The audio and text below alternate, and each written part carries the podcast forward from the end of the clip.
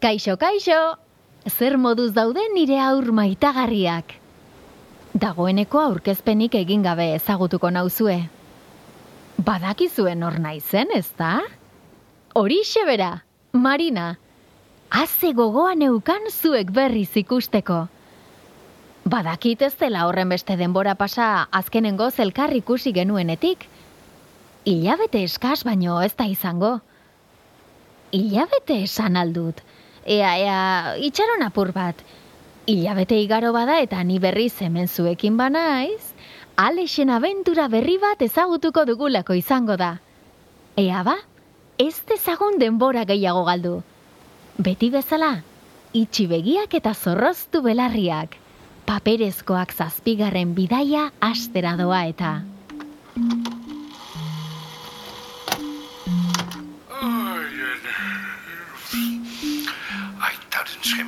Espiritu santuaren izenean, haze gaua dara madan.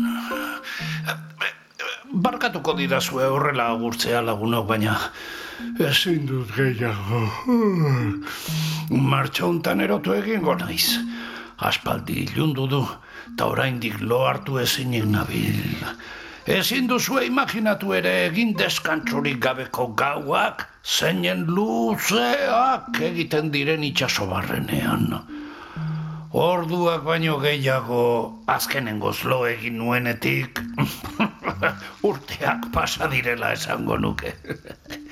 Em, Egunak hogeita lau ordu baditu eta minutuak irurogei segundu zenbat urtaro ditu itxasoak. Ba- Baina, baina, zer diozu, Alex? Tontotu egin altzara, eh? Irten bide bat bilatu beharra daukat. Mm, zer egin dezaket? Zer monte egin dezaket?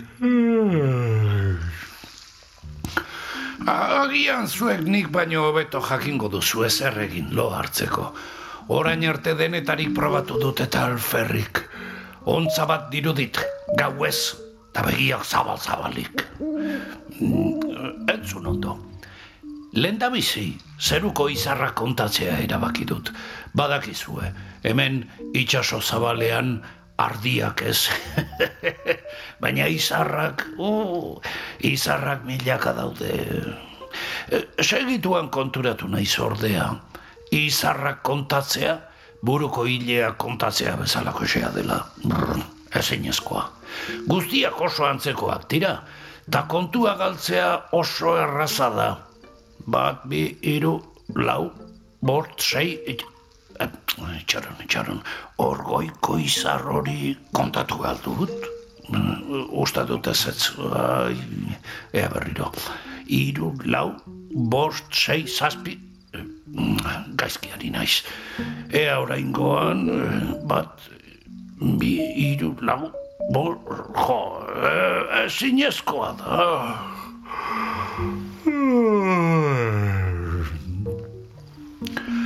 Eta alako batean pentsatu dut, izarrak kontatu ordez, zergatik ez dut abesti bat jartzen ordenagailuan, eh? A- agian musika lasaia entzuteak erlaxatuta lo hartzen lagunduko dit. ba, badakizu ezer? Mm? Txoropito honek musika lasaia jarri beharrean, nahi gabe rock estiloko abesti bat jarri du. Ta orain dantza eta dantza nabil. Izan gira eskualerri rock and rollina.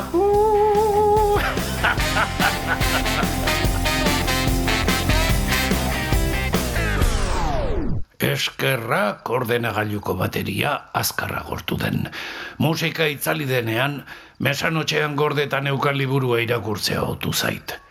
Artaldea izeneko album ilustratua.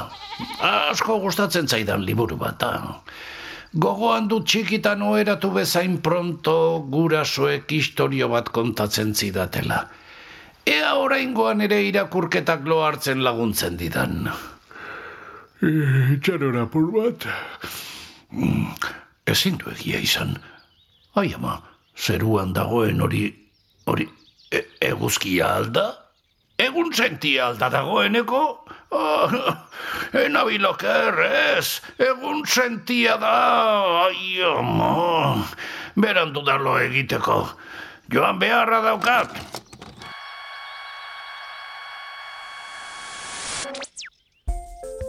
Aien, eh? Entzun alduzue hori. Ales gaixoa. Seguru nago leher eginda bukatu duela.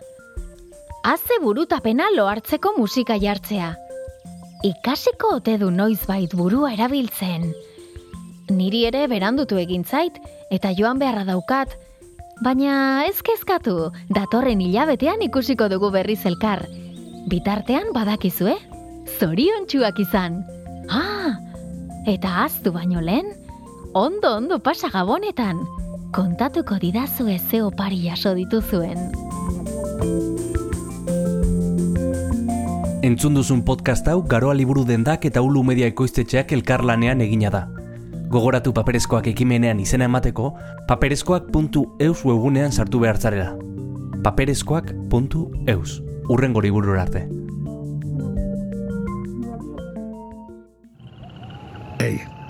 Entzun hori.